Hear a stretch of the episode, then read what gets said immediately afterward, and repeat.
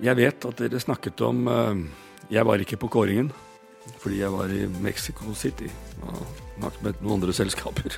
Og der nevnte dere Dere var inne på diversitet.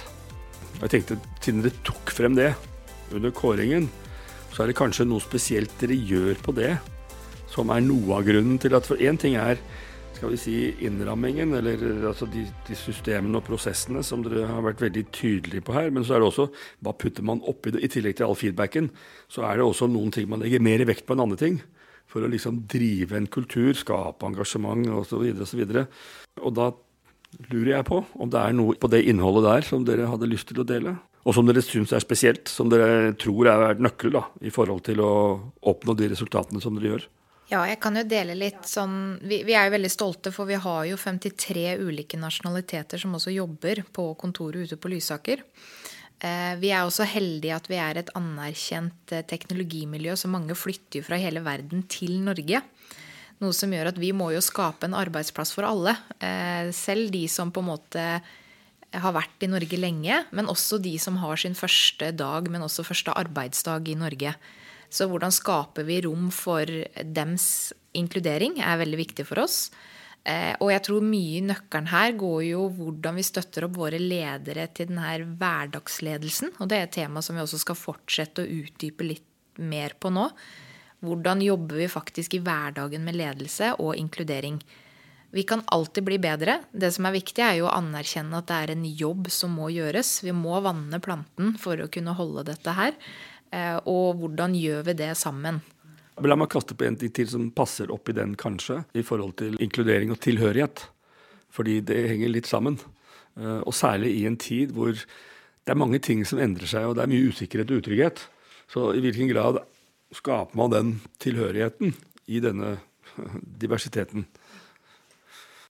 Tilhørighet er veldig viktig. Det har jo vært en utfordring når veldig mange selskaper har stått overfor det. Eh, skal du da la de ansatte jobbe bare hjemmefra, eller skal du la de ansatte ta valget om hvor de vil jobbe?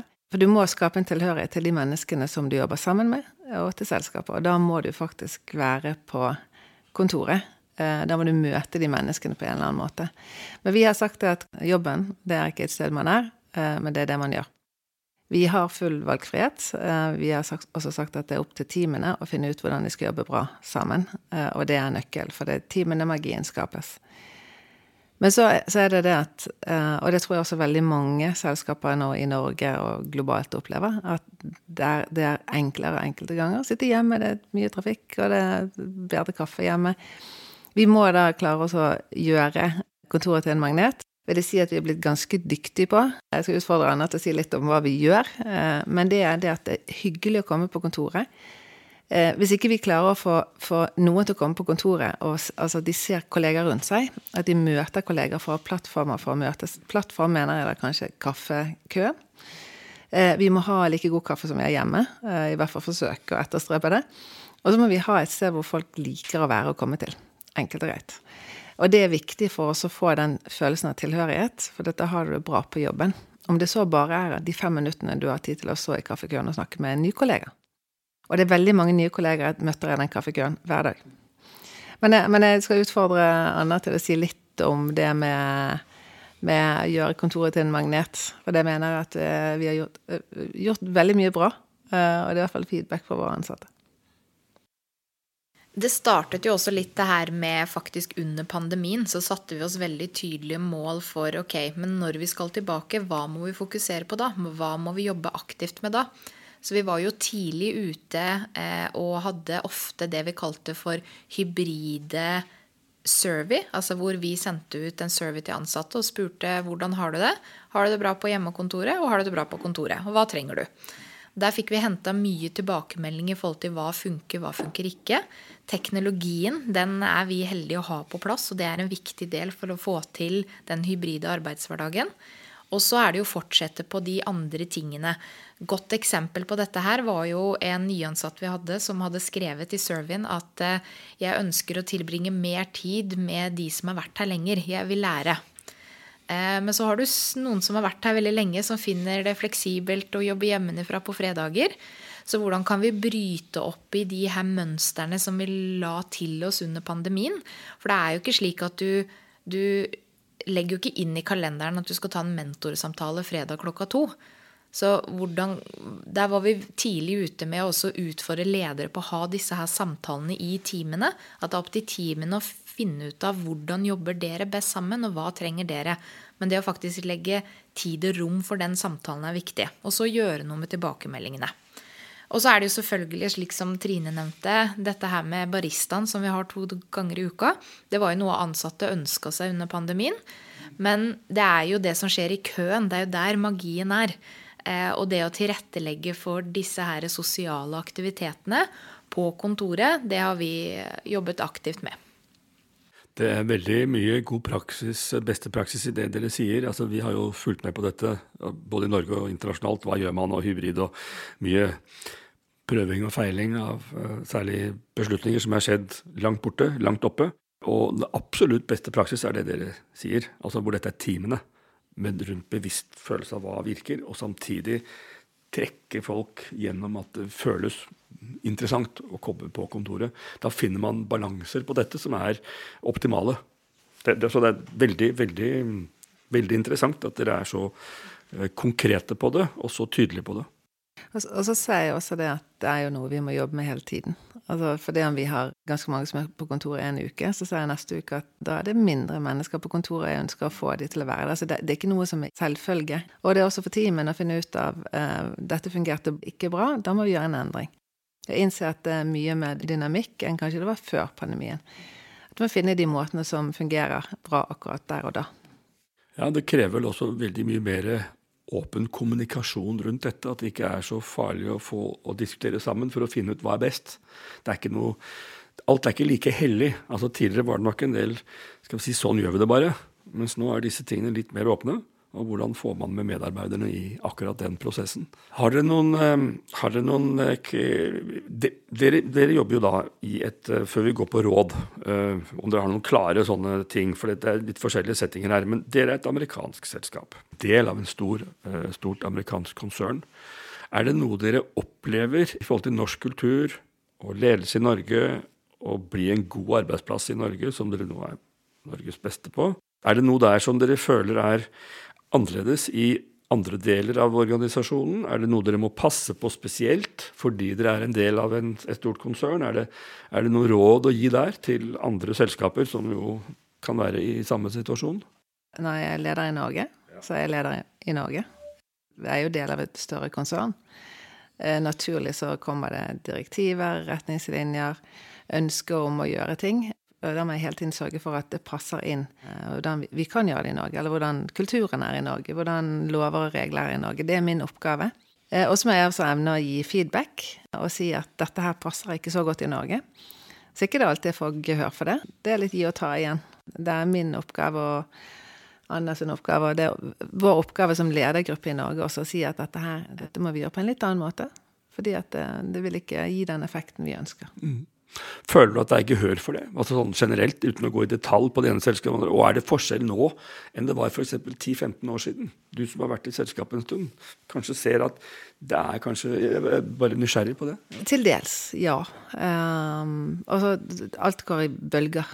Eh, faktisk. Så, så, det har vært tider også det har vært kanskje større forståelse for det. Men det er oppfatning av at det er vår jobb også. Hvis ikke vi gjør det, så gjør vi ikke jobben vår. Men det er ikke alltid like enkelt, for å være helt ærlig. Nei, men det er noe av den krevende balansegangen der. For du skal selvfølgelig sørge for å gjøre alt som er viktig for å lykkes eh, i Norge. Altså, det er en grunn til at vi, eh, vi, jobber som et stort konsern, og vi gjør ting på samme måte. Så det er jo en, en grunn til at vi gjør ting som vi gjør. Uh, vi skal bare av og til tilpasse det. Det høres uh, veldig fornuftig ut. Det er gode råd til andre. Uh, når dere har jobbet så godt som dere har uh, her, er det, no, er det noe råd dere har? Er det noe som dere ser Dere har kommet med flere nøkler her. Altså veldig gode nøkler, etter min oppfatning, som stemmer med det vi kjenner til i forhold til våre både analyser og jobbe med mange, mange hundre selskaper, både i Norge og tusenvis av selskaper rundt i verden. Så dere, jeg skjønner godt at dere er, har lykkes gjennom de prosessene og de tingene som dere gjør. Men er det noen ting som dere i forhold til setup og arbeid som HR-ansvarlig og som leder, som dere føler er noe av det viktigste som dere selv har liksom funnet ut av Hva er det, hva er det jeg i min rolle eh, har gjort mest av for at vi har kommet dit vi har? Det er mye rundt å være moden på å forstå viktigheten og betydningen av kultur og ledelse og mennesker. Så har man fått en ha-opplevelse, og så har man funnet noen grep på det. Og det er jo en liten reise. Og der er både HR og ledere, HR-direktører og CEO-er, på veldig forskjellige steder rundt forbi. I modenhet og bevissthet. Fordi man er ikke vant til det, og man, man løper og man leverer. Så det, har dere noe der som dere selv har sett har vært liksom en sånn øyeåpner eller en bevegelse som dere vil dele, og som eh, kanskje kommer fra egen erfaring i Cisco?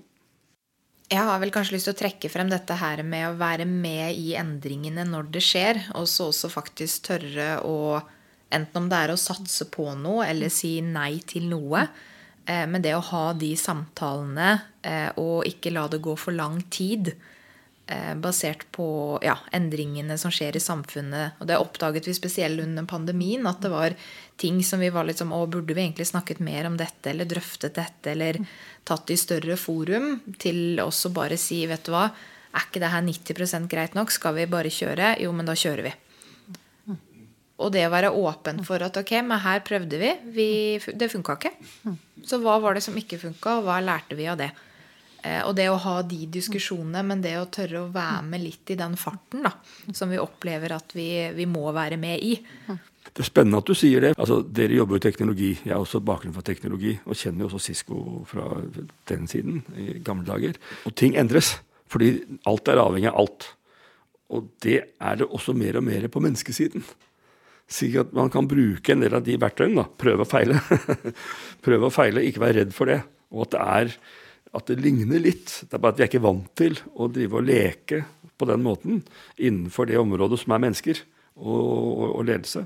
Så det er veldig spennende at du sier den prøve og feile-biten. Jeg, jeg, tror også at vi vil se mer ut av det hva gjelder ikke mennesker, men organisasjoner. Og hvordan de setter opp organisasjoner. At det blir litt sånn prøve og feile, agile, altså fleksibel, dynamisk. Mm. Eh, at ikke alt satt i en, en veldig rigid um, organisasjonsteori, modell. Men jeg, jeg, tror også det er litt det med et veldig tett samarbeid. Litt tilbake til pandemien, fordi vi lærte så veldig mange ting der. For det var så veldig mange ting som endret seg rundt oss. Litt det med å ha veldig tett samarbeid. Ledergruppen uh, være egentlig på alerten hele tiden. Og, og, fokusere på å gi hyppig feedback til våre ansatte. Fordi at uh, i litt sånn krisetider én ting, viktig ting som jeg har lært, og det er rett og slett det at jo mer du kommuniserer, selv om du kanskje ikke har så, så mye du vil si, så si det. Altså kommuniser, kommuniser, kommuniser. Og jo større krise det er, jo mer kommuniserer du, rett og slett. For dette er en veldig klar feedback, kanskje, fra alle som jobber hos oss, er det at eh, de ønsker kommunikasjon. De ønsker å vite hva som skjer, de ønsker å vite hvor vi går, og hvordan ting rundt oss Eh, påvirker oss og de som jobber hos oss. Bare et siste råd der. Også et veldig viktig poeng med kommunikasjon. Eh, og kommunikasjon som da oppfattes som det. Og trenger ikke være så masse innhold hele tiden, men det er likevel til stede. Har dere funnet noen måter å gjøre det på som, som dere kan dele, og som dere syns virker godt? For det, det, er jo mange måter å kommunisere på. Og blir det oppfattet? Er man nysgjerrig på det? er det toveis? Altså hvordan, virke, hvordan, får det til å, ja, hvordan får det til å virke? Jeg vil trekke frem dette her med og viktigheten å kommunisere i alle ulike typer av kanaler. Enten om det er i ledermøter, eh, møter med leder og team, eh, om det er i allmøter, eller om det er i eh, ja, Eh, Teamspace eh, for å dele informasjon, eller på intranett, men dette her må faktisk ta samme kommunikasjon ut i flere kanaler samtidig. Fordi vi er ulike. Noen er, leser ikke mail i det hele tatt. Andre dukker bare opp på alle møtene, for det er der de stoler på å få informasjonen. Så den har jeg lyst til å trekke frem. Jeg vil jo si Vi har jo noen, et unikt rituale, og det er jo fredagscola. Eh, som er en Ja, nå ser jeg at du blir nysgjerrig. eh, hver fredag for over, ja, i over 18 år så har vi hatt eh, allmøte. Halv to i kantina. Men de som sitter hjemme, ringer inn og blir med over video, så det er for alle. Da spiser vi bamsemums. Vi drikker cola, eller Cola Zero, og spiser Twist. Og så får vi siste oppdateringer. Og det er jo en tradisjon og en form for kommunikasjonskanal. Eh, så det er her å finne de unike måtene på som gjør at man samler teamene. Her hører jeg at vi har teknologibakgrunnen som har kommet med den. Det, det hører jeg. Her, her er ingeniørene som har vært i gang. Veldig, veldig bra. Og alle er med på den, ja. ja. Og det er små ting, og sier mye. Mm. Ja, Og under pandemien da satt jo over 500 stykker og ringte inn på video til dette. Ja. Det er fantastisk. Veldig bra. Jeg skal bare Tusen takk. Uh, har du noe mer du tenker, Trint, noen lyst til å dele med alle som lytter på dette, og som skal finne hvordan bli Norges beste arbeidsplass? Det er det vi holder på å snakke om her. Og vi har vært veldig inne på mekanikken i det. Det er det jeg har forsøkt, å, og, og dere har delt. Er det noen andre ting som dere tenker, som dere vil si til alle som ønsker å bli Norges beste arbeidsplass? Jeg, jeg bare sier det hvorfor jeg har jobbet i selskapet så mange år. Eh, det er pga. den kulturen. Og kulturen er noe du må jobbe med hele tiden. Fokus på, på de som jobber hos deg. På en måte er det veldig enkelt, og så er det veldig mye hardt arbeid. Men du må jobbe med det hele tiden. Det fins jo masse gode råd, og det, du kan gå på internett og du kan søke frem hvor det fins Hvordan kan du måle din egen kultur? Hvordan kan du se hvor, hvor er jeg når det gjelder kultur? Hvordan har vi det hos oss, og uh, hvordan er det vi ønsker å ha det hos oss? Ja, et siste tips, og det er jo å ha det gøy. Det er lov å le. Og det er også lov å ha en dårlig dag. Men det å ha rom for det på arbeidsplassen, det er kjempeviktig. Tusen takk skal dere ha. Tusen takk til eh, Trine Strømsnes og Anna Gjerløv for at dere kommer fra Sisko og deler fra veldig kloke råd som jeg håper alle har fått med seg. Tusen takk. Tusen takk. Og da takker vi for denne podkasten. Takk for oss.